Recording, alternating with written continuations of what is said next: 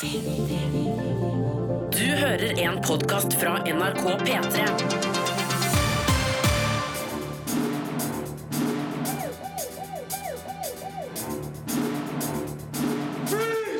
Filmpolitiet! What's your name, dude? Birger Vestmo. What kind of stupid name is that? I dag skal det skje litt av hvert. Eh, Premierefilmene Transformers The Last Night, All Eyes On Me, Drøm søtt, Cézanne og Sola og Whitney Can I Be Me skal anmeldes. I tillegg skal vi snakke om seriene Skam, Twin Peaks The Return og Glow, samt det nye spillet Get Even. Filmpolitiet! Filmpolitiet. På P3. Filmpolitiet anmelder film. So is this a kidnapping sort of situation or her first Transformer experience? It's both, really. She's very difficult! Transformers The Last Night er regissør Michael Bays femte film i serien, basert på leketøyprodusenten Hasbros robotfigurer. Og det er åpenbart at det her er rein leik for Bay, en filmskaper som ikke bryr seg om subtile nyanser. Han brauter seg frem gjennom en overlessa historie med det han har til rådighet av effekter, mens skuespillere, både med og uten meritter, utgjør et slags persongalleri. Denne filmen er på ingen måte et dramatisk høydepunkt, men oppfyller kinogjengeres behov for eksplosive inntrykk på både lyd- og bildefronten. Transformers The Last Night er to og en halv time med visuelt lekker robotaction, der det er best om man ikke tenker så mye på det man ser. Hold your fire! Hold it! Hey, the military doesn't want it this way, B. You gotta believe that. It's a new world order now, and these guys are calling the shots. All they want is a home, and you know it. You push them, and they push right back. Vi får et gjensyn med Cade Yeager, spilt av Mark Wahlberg, som vi først så i forrige film Transformers Age of Extinction. Nå blir han utpekt til den siste ridderen av en hemmelig orden som i flere århundrer har beskytta Marilyns stav. Nå må han forsøke å finne staven sammen med sir Edmund Burton, spilt av Anthony Hopkins, og Marilyns siste etterkommer, Oxford-professoren Vivian, spilt av Laura Haddock. Den slemme gudinna Quintessa har nemlig fått den gode roboten Optimus Prime over på sin side på den ødelagte planeten Cybertron, og sett kursen mot jorda på jakt etter den samme staven. Pipe, man, what's going on here? Will you drag me to some Transformer retirement home? Look, somebody better start talking I'm out of here. Whoa, whoa, whoa. Okay. Um, Historien er altså det rene våset, noe Michael Bay sjølsagt er fullt klar over.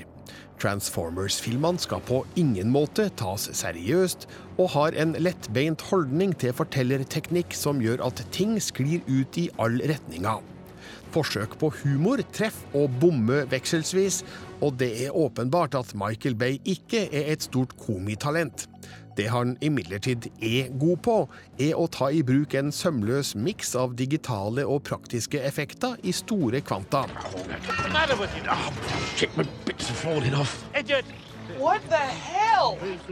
Årets utgave er som de tidligere i serien, en stor og dum effektfilm der man nesten må være Transformers-tilhenger fra før for å føle noe mer engasjerende enn å bli lett underholdt. Forventningene blir innfridd, så lenge de ikke er særlig høye. Forgive me. Terningkast tre. Les mer om film, spill og serier på p3.no Filmpolitiet. Det er ikke mye tid igjen for skam, for straks er det hele over. Og det må vi snakke om i Filmpolitiet, og hvem bedre til å snakke om det enn eh, lederen for P3s Skampod, Mari Garås Monsson. Velkommen, Mari. Takk for det, du. Du, hvordan føles det for deg at eh, nå er det straks slutt for alltid for Skam? Ja, vet du hva, det er, en, eh, det er en utrolig ekkel følelse, samtidig som jeg er så spent på hvordan de skal klare å avslutte det her eventyret. Men, men jeg kjenner allerede nå at det kommer til å bli et voldsomt stort tomrom, så jeg lurer på hva i alle dager jeg skal bruke tida mi fremover på. Ja, nå har det jo blitt snakka opp og ned i mente om Skam de siste åra, men eh, Mm. for å oppsummere hele serien, hvorfor fenga det såpass? Jeg tror det er måten de har lagd det på, måten de har klart å bygge opp en serie på en helt annen måte enn vi er vant til. Eh, klipp har blitt sluppet eh, uten noe forvarsel, man sitter og venter og venter hele tiden på når skal det skje noe nytt. Og så er det jo på en måte, de samler det opp til en fredagsepisode hver uke også, men det er liksom hele følelsen av å kunne følge med nesten i sånn real time, og karakterene har fått egne Instagram-profiler. Man kan nesten av og til bli sånn i tvil om liksom, er det fiksjon eller virkelighet, selv om jeg tror i hvert fall at det er det mange føler, at man er liksom Man blir såpass godt kjent med karakterene at det føles som noe helt annet enn å følge med på en vanlig serie. Så jeg tror det er noen av de liksom, beste grepa de har klart å gjøre, altså. Det er jo en helt unik måte å fortelle en historie på i flere medier, men Ja. tror du noen skal kunne greie å kopiere det her eh, med en annen historie? Nei, altså Det er helt umulig å si, fordi eh, enhver kopi av Skam kan jo også bare bli en flopp. Så jeg er usikker på om man kommer til å få det til. Og nå har jo USA fått kjøpt opp noen rettigheter og skal kjøre sin versjon. Eh, Og jeg må si at jeg foreløpig ser for meg at ikke de kommer til å få det til like bra, men man veit jo aldri, da. Men hva syns du om den siste sesongen eh, nå med Sana i fokus? Eh, Har nivået holdt seg? Ja, det har absolutt holdt seg, men det har vært en veldig annerledes sesong enn de tidligere. Eh, historien har kanskje vært på en måte eh, vanskeligere og også litt eh, Hva skal man si, det har ikke vært like sånn lett og eh, altså det jo, den har holdt seg absolutt, men det har vært en veldig annerledes sesong. Fordi Sana har hatt en utrolig sånn kompleks karakter, og hun har virka veldig som en sånn streng bosslady hele veien. Mens nå har vi liksom sakte, men sikkert fått kommet under skallet hennes. Og det er jo hele den her med identitet og identitet og tro, eh, like mye som det er vennskap og kjærlighet, men det har liksom vært eh, et tema som har vært utrolig viktig at vi har fått eh, tatt del i, og hennes utvikling denne sesongen har vært helt fantastisk. Og så har det den siste uka nå overraska oss, fordi vi trodde jo at denne sesongen kun skulle handle om henne, og fra hennes synsvinkel, som for øvrig også noe serien har gjort utrolig bra, at man får liksom se én karakter per sesong, og man kommer og ser alt fra dems perspektiv. Men siste uka nå så har de hver eneste dag sluppet en av de Altså karakterene som ikke har fått sin egen hovedsesong, da, har fått hvert sitt klipp, hvor vi da plutselig får snudd hele synsvinkelen. Og så får vi på en måte svar på mange av de tingene vi har lurt på i hver eneste sesong. Og det grepet der så jeg ikke komme til å komme, og det har også gjort at denne sesongen nå har blitt eh, ekstremt overraskende også, faktisk. P3. Her har vi fremdeles besøk av programlederen for P3s Skampod, Mari Garås Monsson. Fordi Skam er straks over. Men eh, akkurat når er det over, egentlig? Det er gjenstand for litt eh, diskusjon, Mari. Ja, det er det faktisk, fordi vanligvis så har jo disse oppsummeringene av alle klippene som jo utgjør episoden for hver uke, det har jo vært på fredager. Og så har det vært noe stor spekulasjon, fordi altså årets eh, hovedkarakter, da, Sana, har invitert absolutt alle eh, i universet da, til en id-fest i morgen, som er liksom en eh, feiring og en avslutning av ramadan. Så da har man liksom lurt på, hæ, skal vi ikke få være med på den festen? Men så nå ser jeg på TV-spilleren til NRK at det jaggu meg er annonsert lørdag kveld 23.35 eller noe sånt. Så mm. da har jeg begynt å liksom lure ja, skal de allikevel gi oss den festen, og så blir det en helt ny vri med en episode i morgen. Og da har jeg tenkt sånn, kanskje vi får en ekstra lang episode, kanskje vi får en film. Altså det er nesten Ja. umulig å si. Ja, for uh, det som kan sies her, er at uh, vi jobber jo i P3, men vi veit like lite som alle andre, egentlig, om hva som skjer i Skam-universet. Ja, altså Det er eh, så hemmeligholdt alt som foregår. De sitter inne i sin egen lille avdeling, og det er umulig for oss å få noe som helst info ut av dem. Så ja, det er akkurat som du sier, vi veit like lite. Og det som også er gøy med Skam, er jo at de har en evne til å overraske når man ikke ser det for seg. Så det er jo godt mulig at de nå driver og lurer oss også, skriver inn i noen TV-programmer at det kommer da og da. Så kanskje de kaster helt om på det. Det er det, er det som gjør det litt spennende også, at man nå egentlig ikke vet åssen dette skal avsluttes i det hele tatt. En ting vi veit, er at det skal arrangeres en stor eh, avslutningsfest for Mhm. Skam i Oslo i kveld. Det er akkurat det. Dit skal du. Dit skal selvfølgelig jeg, og jeg gleder meg veldig til det også, for jeg lurer på hva i alle dager det er som skal skje på den festen. Jeg vil jo se for meg at de har klart å samle alle skuespillerne, og det er jo en ganske Det er jo en fest hvor mange har blitt invitert, men eh, ingen aner hva som skal skje. Eh, Og så er det også sånn at publikum også får en liten del av dette, for det skal jo være en liten pressedel på starten av festen, da. Ja, På P3 sin Facebook og på nrk.no så sender vi live fra den gule løperen ja. klokka 20 i kveld. Ja, jeg tenkte litt over det med den gule løperen. Ja. Eh, Men det må kanskje ha noe med å si med at eh, Skam sine farger er på en måte gule, da. Kanskje det kan være derfor, Birger? Det kan du. Eh, en annen ting vi vet, er at på mandag er det klart for en ny Skampod. Ja. Som du skal lede for siste gang, Mari. Ja, vi har klart å samle noen av de mest ihugga fansa vi har hatt med i podkasten, deriblant Ida Fladen, som jo kanskje er den som har grått mest i alle disse podkastene, og som lever seg veldig inn i universet. Så vi må jo på en eller annen måte prøve og Vi må få oppsummert det som nå blir avslutninga, og så skal vi sikkert sitte og gråte mer da også, nå som alt er over, men det blir i hvert fall en podkast som kommer ut da i løpet av mandagen. Mari Garås Monsson, takk for at du var med i Filmpolitiet. Og kondolerer med Skamslutten. Ja, det er riktig ting å si, føler jeg. Dette er Filmpolitiet På P3. P3. Tupac Shakur var rapperen som ble skutt ned og drept i Las Vegas i 1996, på toppen av karrieren. Nå kommer en spillefilm om han, med tittel henta fra en av hans låter. Fredrik Skaget Øyen har sett All Eyes On Me, og han syns at det her er et skuffende hiphop-portrett. Filmpolitiet anmelder film. Without further ado, I want to bring out the man of the hour, Mr. Tupac Shakur. All Eyes On Me følger hiphop-legenden Tupac fra den spede barndom til hans død i 1996. Artisten rakk å oppleve veldig mye på sine beskjedne 26 år, og filmen gjør det til sin misjon å inkludere absolutt alt. Tupacs forhold til musikk, suksess, kriminalitet, narkotika, politiet, rasisme, penger, hans forhold til kunst, til sin mor og hans rolle som borgerrettighetsskikkelse. Alt skal drøftes. Noe som dessverre gjør at svært lite egentlig drøftes skikkelig. Like all black leaders, you have a bullseye on your back, and today it just got bigger. But I ain't no black leader. Det virker som hver scene inneholder et definerende vendepunkt som endrer Tupacs syn på livet. Enten i form av en alvorlig hendelse eller en klisjéfylt replikk med overfladisk livsvisdom. Og selv om enkelte av de her scenene i seg sjøl er godt gjennomført, får man ikke nok tid til å la dem synke inn før man blir hasta videre til neste store vendepunkt. Resultatet er at de mister sin emosjonelle tyngde. Helheten fremstår som en såpeoperaaktig samling høydepunkt mer enn en sammenhengende historie.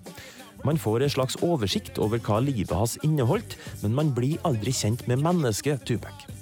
Filmen tar seg heldigvis opp litt mot slutten. Introduksjonen av den enorme og brutale musikkprodusenten Shug Knight gir historien et solid løft.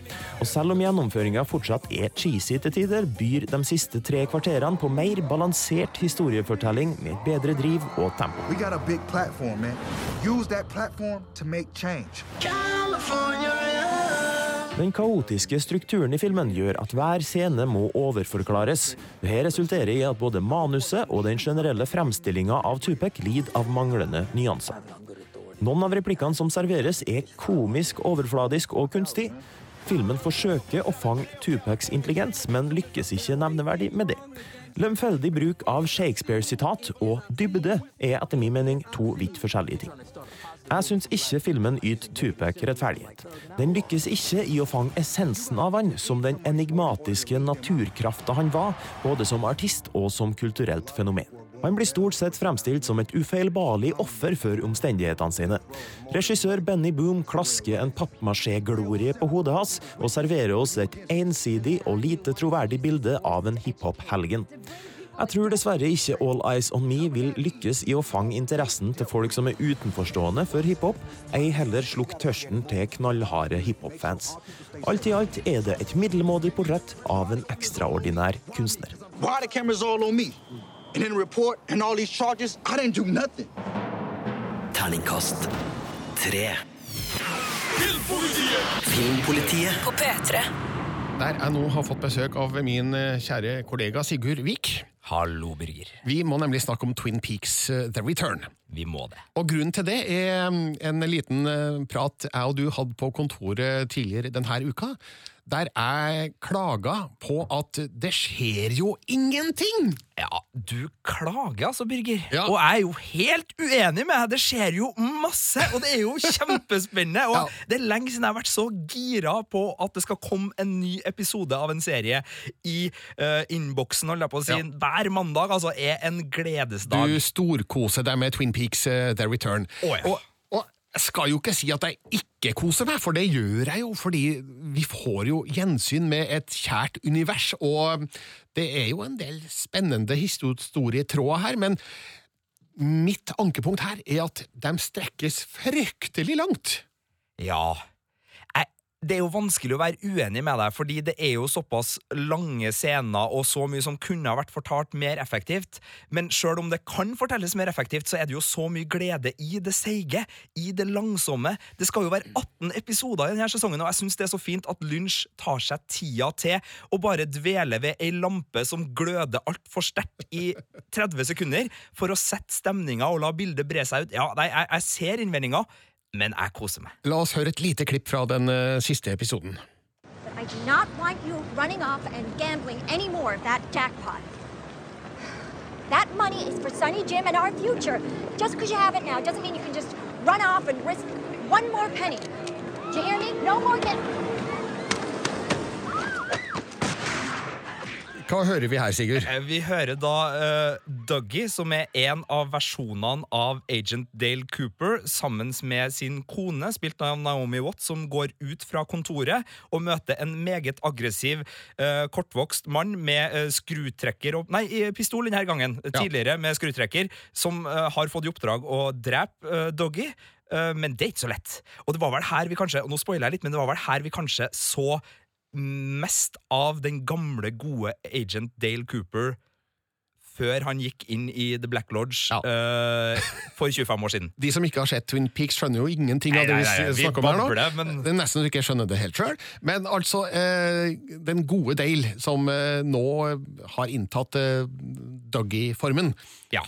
hvor lenge skal han vandre rundt som grønnsak? Det lurer jeg på, fordi det varer og det rekker. Ja, Men han er utrolig sjarmerende som grønnsak, da, er ikke han det? Eh, jo, men Hello! Jeg vil jo at han skal komme eh, til live igjen eh, som vi husker han fra den forrige serien, eller er det too much to ask for? Jeg, frykter vel at Lynch har tenkt å fortsette i drømmelogikkens verden og i det her eh, hvor eh, personer og personlighetstrekk eh, porsjoneres ut og gjemmes litt, eh, sånn som man gjør i filmer som Inline Empire og Mulholland Drive. Så, så jeg frykter vel at du må vente i hvert fall sånn over episode 12, 13, 14 før vi får noe, men, eh, men jeg er ikke så opptatt av det, for jeg, jeg koser meg sånn på veien nå. Og så er det noe med, eh, med de øvrige karakterene. Har du sett så umiddelbare karakterer noen gang, Birger? Sånn Ja. som han der slemmingen på kroa som sitter og tar seg en sigarett som han ikke har lov til å ta, og så er bare den fæleste fyren i verden, og du skjønner det i løpet av tre sekunder. Å, jeg koser meg. Ja, øh, men like fullt, eh, 18 episoder med det her er litt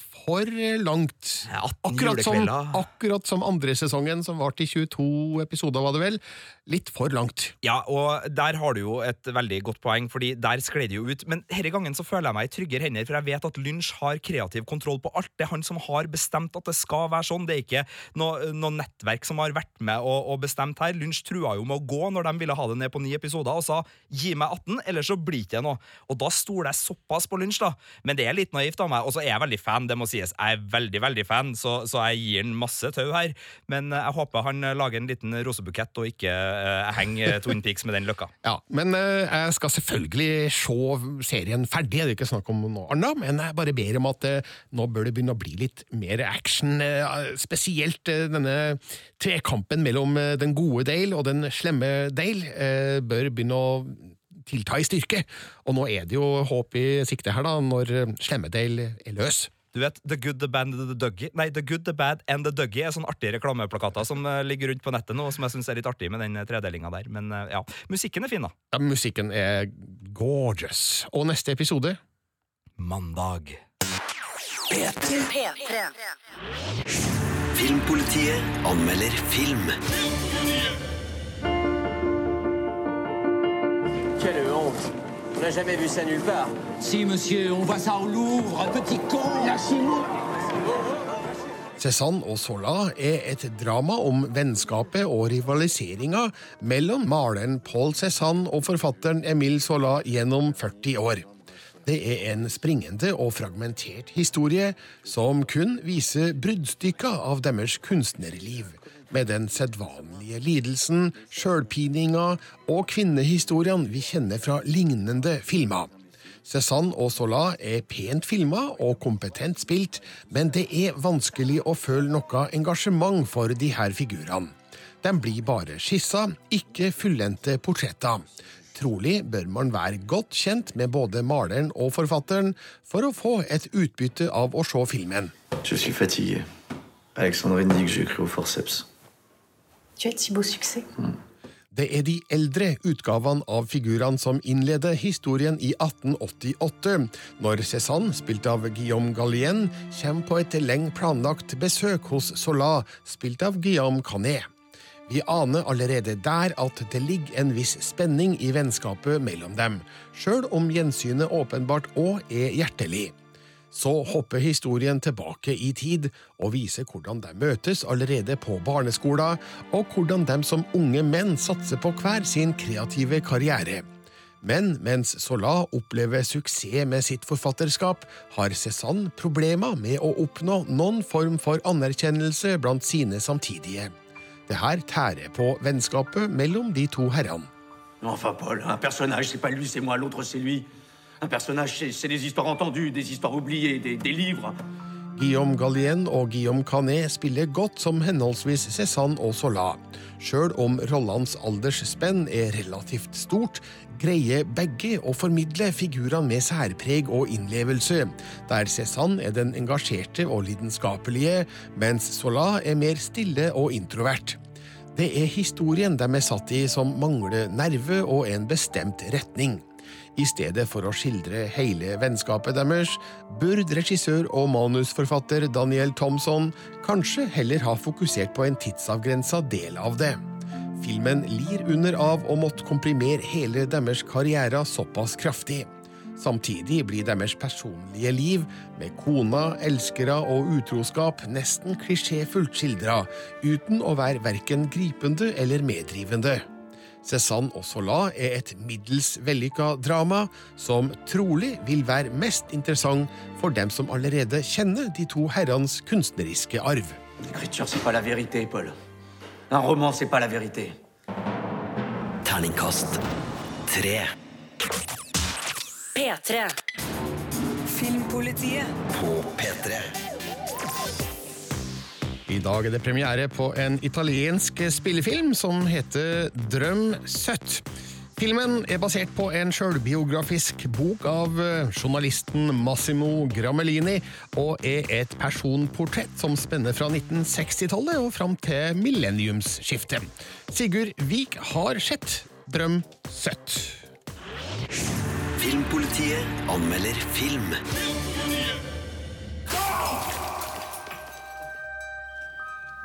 Massimo, ora la mamma è il tuo angelo custode. Vogliamo andare a fare una preghiera per mamma, insieme? Italienske Drøm søtt er en sår historie fortalt i en fragmentert form som tapper filmen for emosjonell kraft. Regissør Marco Bellocchio har latt seg inspirere av virkelige hendelser når han forteller om den framgangsrike journalisten Massimo som mista sin mor da han var gutt. Men ved å hoppe mellom ulike årstall og begivenheter får verken følelser eller rollegalleri tid til å feste seg ordentlig, og det som er en velspilt og vond skildring av livsløgnenes klamme tak, rotes til å bli en langdryg og uengasjerende film. Mamma! Mamma! Mamma! Esci fuori, mamma! Ti stanno portando via, mamma! Massimo er en gutt med et lekent og hengivent forhold til sin mor. Hun på sin side svinger veldig i humøret, dansende og hoppende glad den ene dagen, ute av stand til å gå av bussen den neste. Da mora dør i det Massimo får høre et plutselig hjerteinfarkt, blir gutten knust. Hans fraværende far forsøker å holde familien sammen, men klarer verken å nærme seg sin sønn eller snakke med han om det tragiske dødsfallet. Vi hopper videre i Massimos liv i gjennomførte tidskoloritter med godt blikk for Italias samfunnsendringer fra 60-tallet til 90-tallet. Møter vi både den utagerende gutten, den søkende studenten og den ambisiøse journalisten. I alle settinger ligger tapet av mora som et åpent og ubehandla sår som påvirker og truer hele hans eksistens. Allora era ossessionata dal Era pazza? Se era pazza avrebbe dovuto aprire il gas e ucciderci tutti. Massimo, finisci, la tua madre ti amava. Basta! Basta! Men den drevne regissør Marco Bellocchio klarer ikke å bruke dette såret til å gi driv til verken historia eller Massimos karakterutvikling. Tidshoppene i filmens begynnelse er nok ment å være fiffig, men de verner veldig dårlig om fortellingas hemmeligheter, noe som gjør at når filmen da endelig skal gi sine avsløringer, så blir det verken spesielt spennende eller spesielt forløsende. Terningkast tre.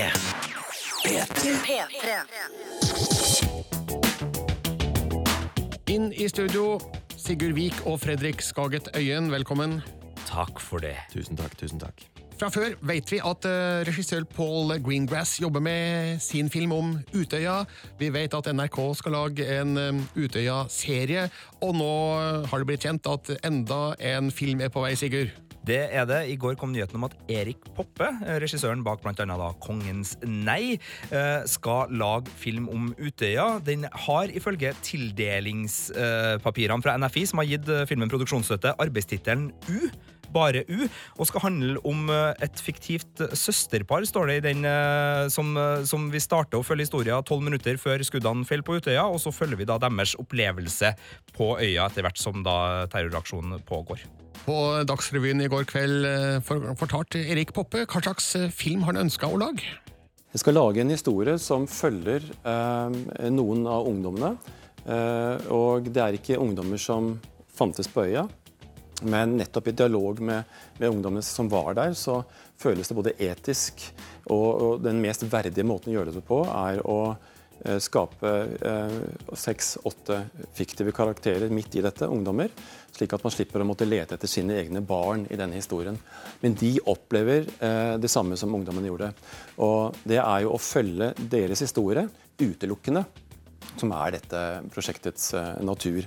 Og sånn sett så eh, er det jo mange måter å komme tett på deres opplevelse som er målet med filmen.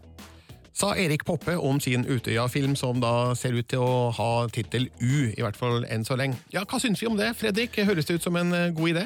Eh, jeg er nok ikke rett person å spørre. Jeg vet jo at det har kommet reaksjoner allerede. Folk syns det er litt for tidlig å lage en film om en så alvorlig hendelse. Men Erik Poppe er jo ikke alene, da, som du sier. Nei. Det kommer jo en serie og en internasjonal film. Men jeg tenker at noen må jo gjøre det, og da er vel Erik Poppe like god som eh, noen andre til å faktisk lage en, en, en film som eh, behandler te tematikken med verdighet, eh, Sigurd? Det skulle en tro. Han har jo en track record for å både ta tak i de vanskelige og de ganske tunge følelsene, og de er det jo mange av i det her. Og så har han jo også sagt med all tydelighet at han ønsker at det her skal være en verdig film, som ikke skal uh, prøve å, å drive med noe spekulativt alternativ underholdning på noe som helst vis av det her, og det vil jeg jo tro han er godt skikka til å, å klare. Jeg vet ikke om det har noe å si, men det virker jo som Erik Poppe er inne i en veldig god stim akkurat nå, for denne uka satte han en ny rekord i antall Amanda-nominasjoner. Tolv Amanda-nominasjoner til Kongens nei. Det er som du sier, rekord, så et gratulerer til Erik Poppe der. Mm. Eh, årets norske kinofilm, kan det bli noe annet enn Kongens nei? Jeg vet ikke. Den har jo ganske hard konkurranse med, med de to andre store publikumssuksessene i den gjeve beste filmkategorien, da, med Burning 2 og Er det dyrene i Hakkebakkeskogen, hvis min hukommelse står meg bi. Ja. Det er jo filmer du har sett, Birger. Hva tenker du sånn i forhold til kvaliteten på de tre? Nei, altså, nå tenker jeg jo at uh, Dyrene i Hakkebakkeskogen er jo en fantastisk uh, flott uh, barnefilm. Så i sin sjanger så er det absolutt en, en, en vinner, en innertier. Men hvis man ser på kombinasjonen kunstneriske ambisjoner og eh, publikumstekke, som faktisk er et element her da, i eh, Amanda-komiteens utvelgelse, så vil det være vanskelig å gå forbi Kongens nei, som også var Norges Oscar-kandidat. Hva tenker du, Fredrik? Nei, jeg tenker jo at jeg stiller meg bak alt du sier. Ja. Det har jeg jo tenkt i noen måneder nå. At uh, Hvis Birger Vestmo sier noe, så sier jeg bare ja. Det er greit. Uh. Ok. Takk for tilliten. Takk for tilliten. En god uke for Erik Poppe, og vi følger hans uh, Utøya-film med stor interesse. P3. P3. Sigurd og Fredrik er fremdeles eh, her i studio sammen med meg, Birger, og eh, det har vært eh, stor oppstandelse i Star Trek-universet denne uka. Herregud, hva har skjedd? Star Trek? Nei, sa jeg Star Trek? Du sa Du sa Star Trek? Oi, oi, Birger sa oi, Star oi, Trek! oi, oi, Birger sa Star Trek! Tabbe, tabbe, tabbe. oi, oi. Dette blir tabbeteipen på julebordet, altså. Hva mente du egentlig, Birger Vestmo? Star Wars. For det er ikke det samme som Star Trek? Nei, er det? det, det er noen små ørsmå forskjeller der. Hmm. Eh, vi starter på nytt igjen. Det har vært stor oppstandelse i Star Wars-universet denne uka. Hva Det- har skjedd? Det har vært uh, et regissørbytte på den kommende Han Solo standalone-filmen, hvor Phil Lord og Chris Miller, uh, som tidligere har laga 21st Jump Street og 22nd Jump Street og den fantastiske Clone High TV-serien Og Lego-filmen. og Lego-filmen. De skulle jo lage denne kule filmen med Donald Glover og Woody Harrelson og gjengen, men uh, nå har de slutta pga. kreative forskjeller, eller ulikheter. De har fått sparken, rett og slett. Det er det de har. Og inn kommer Ron Howard. En, eh, en veteran som har jobba med film siden 1970-tallet. Og eh, vel, du sier de skulle lage, men de har jo vært i produksjon siden februar. De har jo nesten spilt inn hele filmen. Jeg tror det mangler en måned eller noen uker Noen- med innspilling. Noen få uker, og Ja. så får de fyken. Og inn kommer Ron Howard, og han skal åpenbart redde dagen for eh, Lucasfilm og eh, Kathleen Kennedy, som er produsent her. Venn, venn av Disney, han da, og var vel snakk om å skulle være regissør på Phantom Menace til og med back in the days, men etter at han laga Da Vinci-koden, som var ålreit, så laga han jo Angels and Demons, som ikke var så bra, og så laga han jo Inferno nå sist, Birger. Ja, Som eh, heller ikke var noen innertier. Men eh, her tror jeg rett og slett det er Lucasfilm de trenger en de kjenner, en de stoler på, en som er i stand til å ro i land et såpass stort prosjekt på såpass kort tid. Og en som gjør hva de sier. Ja, ikke minst det. For eh, det er vel det som har vært problemet her, Fredrik? Det virker jo sånn, men regissørene har jo gått ut og sagt at det var en sånn gjensidig enighet, på en måte. Og, men rart, da, etter fem måneder og plutselig finne ut at nei, vet du, vi var fundamentalt uenige om det kreative her. Eh, Så det går litt tregt rundt, da. Men, eh, men Sikkert noe greier med Chewie, tenker jeg. De vil at Chewie skal gjøre noe spacer, og så er Disney sånn nei, nei, nei, nei, nei, nei. Men eh, nå er det mange som har mange anelser. Eh, det skal skytes inn at det, det her har skjedd før i Hollywood.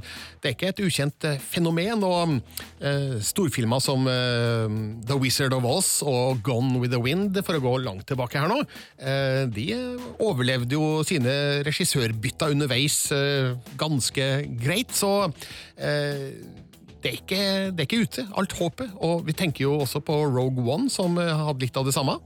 Det var også store eh, nyinnspillingsproblemer, der, eller reshooting, som de kalte det, for de ville endre tonen litt, sa Disney den gangen. Den ble jo ganske kul. Den ble det, så, Så- jeg tror ikke vi skal være helt dommedagsprofetiske her nå.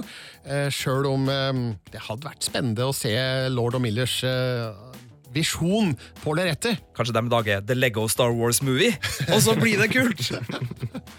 Vi får vente og, og se. Nå, nå er Ron Howard eh, ja, så vidt i gang med mm, sitt eh, prosjekt, og hva han kommer til å gjøre eller ikke gjøre, det er det jo ingen som veit. Men eh, på et eller annet tidspunkt får vi se han eh, solofilmen. Eh, Det som blir spennende, er jo å se hvordan krediterer man regien her. For siden Lord og Miller har filma i månedsvis allerede, så fortjener de jo en regissør-credit. Men blir det directed by Ron Howard i stedet? Det blir spennende å se. Jeg skal aldri si Star Trek igjen når vi skal snakke om Star Wars, eh, føler jeg. Ikke gjør det. Takk, Sigurd. Og takk, Fredrik. When the snows fall and the white winds blow, the lone wolf dies, but the pack survives.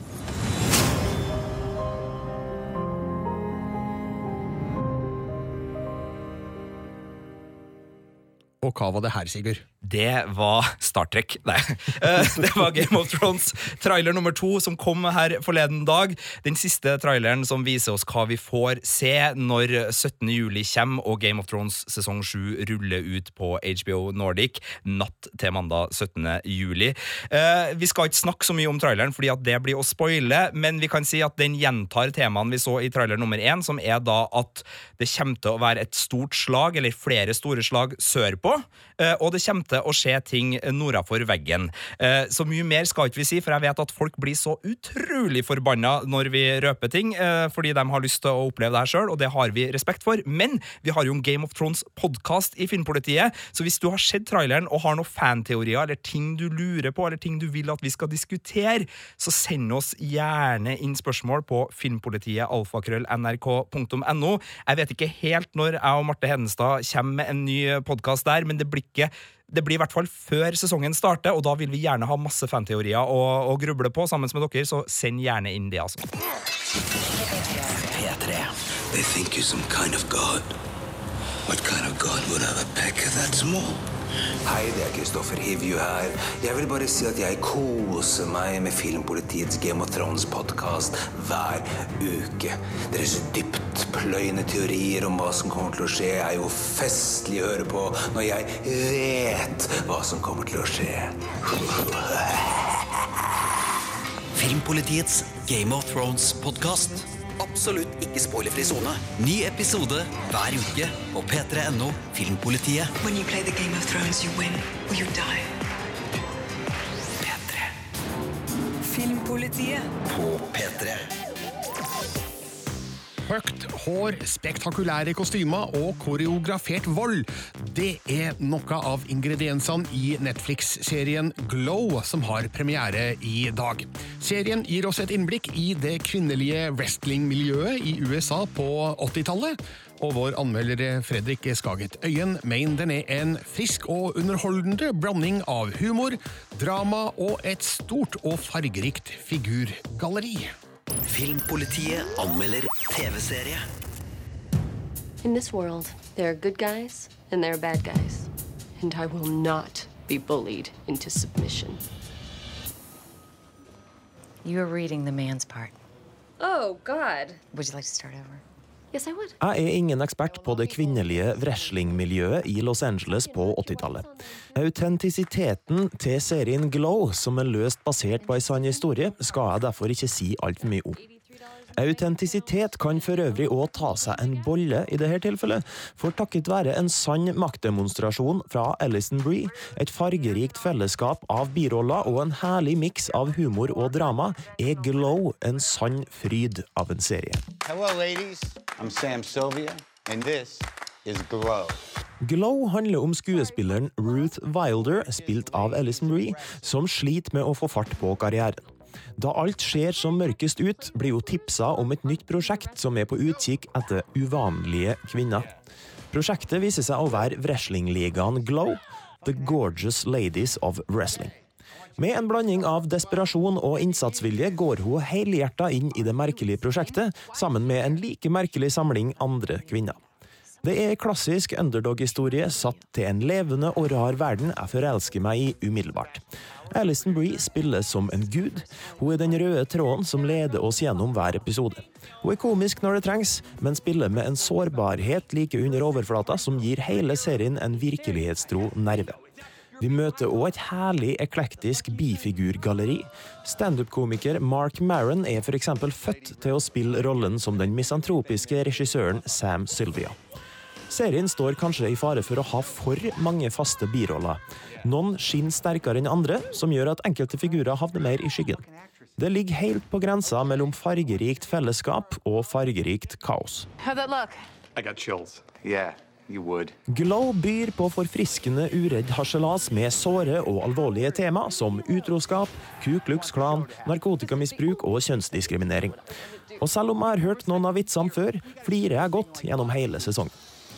Enkelte scener er den tyngre, dramatiske varianten, men wrestling-bakteppet setter ofte en herlig smak av komikk på selv de mest ubehagelige situasjoner. Selv om hver episode gjør en god jobb med å drive historien fremover, tar serien seg likevel tid til å utforske miljøet og bli bedre kjent med figurer. Det rolige tempoet passer godt med innholdet, og ender opp med å bli behagelig underholdning. Det er historie om ekte mennesker i wrestlingens uekte verden. En herlig blanding av komikk, drama, store samfunnsproblem, små mellommenneskelige problem og interessante figurer som jeg inderlig håper får en ny sesong. Hva serien om kvinnevresling i Los Angeles på 80-tallet angår, er Glow helt utvilsomt det beste jeg har sett. You mean stereotype? Yes, bingo, exactly. You're a big black girl. The fuck you say? Terningkast fem. P3. P3. People say Whitney died from overdose of drugs. Whitney Houston was drugged out. I know Whitney Houston actually died from a broken heart. Whitney Houstons skjebne føyer seg inn i rekka av amerikanske stjernetragedier. Dokumentarfilmen Whitney Can I Be Me forteller smertelig åpent om popstjernas vei mot berømmelsens tinder og hennes triste fall. Sjølve filmen har et ganske tradisjonelt og lite oppsiktsvekkende formspråk. Regissørene Nick Broomfield og Rudy Dolezal tar i bruk vanlige og litt kjedelige grep for å fortelle historien. Det filmen vinner på, er en ærlig skildring av forholdene rundt Whitney Houstons karriere, som kanskje bidro til å sende hun til en tidlig grav.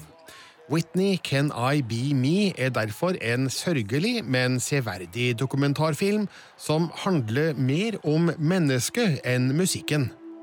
I do know what it is to be black. I know it's like to see my black community, people not being given the opportunity as others are given the opportunity. Filmen starter med slutten i 2012, når Whitney Houston blir funnet drukna i et badekar på Beverly Hilton i Los Angeles, bare 48 år gammel. Så følger en kronologisk skildring av hennes oppvekst i New Jersey, hvordan den gospelsyngende mora Sissy Houston sto bak karrieren, og hvordan narkotika og alkohol etter hvert ble en viktig del av tilværelsen.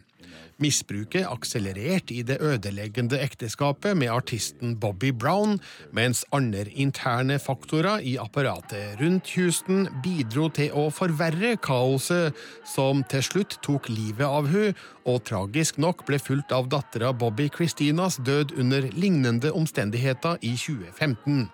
Mange pekefingre blir retta i flere retninger, samtidig som etterpåklokskapen er påtagelig. I did not go into the studio um, wanting to make a pop album.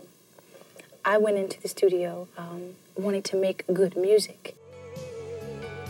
Whitney Can I Be Me avslører hvordan narkotika var en del av Whitney Houstons liv allerede før hun ble forma som glatt popstjerne for et kvitt publikum. Den hevder at Houstons oppvekst i et tøft nabolag ble skjult i hvitvaskinga, og at hennes egen identitet ble fortrengt. Tittelen Whitney Can I Be Me er basert på et av hennes egne utsagn, og vitne om en artist som ikke fikk være seg sjøl. Dokumentarfilmen er kanskje i overkant konvensjonelt forma, men innholdet er like fullt like interessant som det er sørgelig. Success doesn't change you, fame does. Terningkast fire. P3. P3. Filmpolitiet anmelder spill.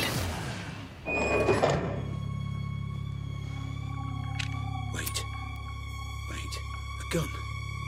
My gun. Consider it security, Mr. Black. A token of trust.